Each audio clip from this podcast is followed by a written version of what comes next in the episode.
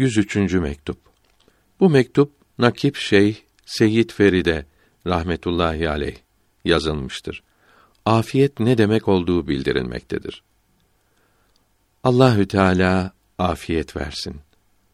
Öyle bir afiyet versin ki büyüklerden biri hep dua eder, Allahü Teala'dan bir günlük afiyet isterdi.